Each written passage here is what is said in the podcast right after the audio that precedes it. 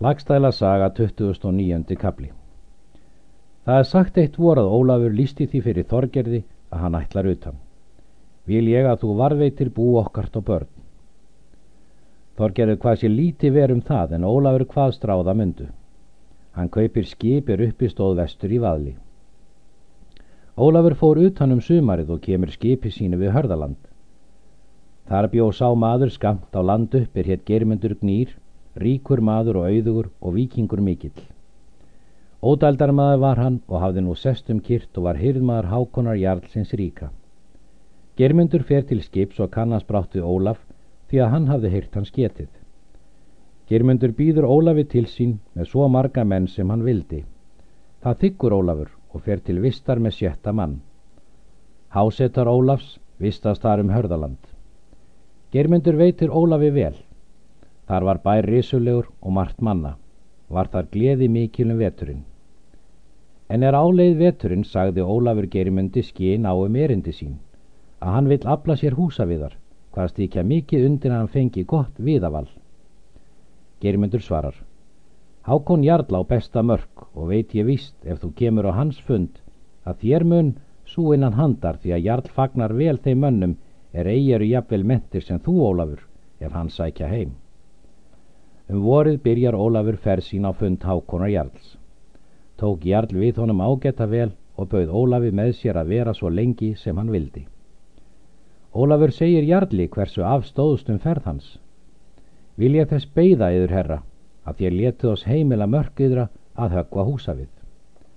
Jarl svarar, ósparað skal þóttu fermir skip þitt að þeim viði er við munum gefa þér því að við hyggjum að oss sækja eigi heim hverstaslega slíkir menn af Íslandi. En að skilnaði gaf Jarlónum öksi guddrekna og var það hinn mesta gersemi.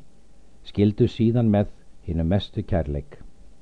Germundur skipar jarðir sínar á laun og ætlar út til Íslands um sumarið á skipi Ólafs. Leint hefur hann þessu alla menn. Egi vissi Ólafur fyrir en Germundur flutti fjesitt til skips Ólafs og var það mikill auður. Ólafur mælti. Egi myndir þú fara á mínu skipi ef ég hefði fyrr vitað. Því að vera ætla ég þá munu nokkur á Íslandi að betur gengda því sæju aldrei. En nú er þú ert hér komin við svo mikið fjöð þá nenn ég að reka því aftur sem búrakka. Girmundur segir en ég skal aftur setjast þóttu sért heldur stór orður því að ég ætla að fá að vera yðvar fartegi stíga þeir Ólafur og skip og sigla í haf. Þeim byrjaði vel og tóku breyðafjörð bera nú bryggjur á land í Laxarósi.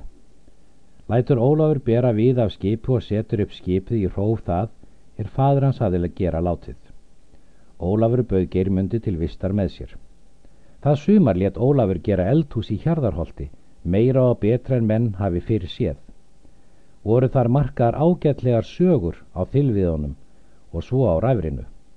Var það svo vel smíðað að þá þótti miklu skrautlegra er eigi voru tjöldin uppi.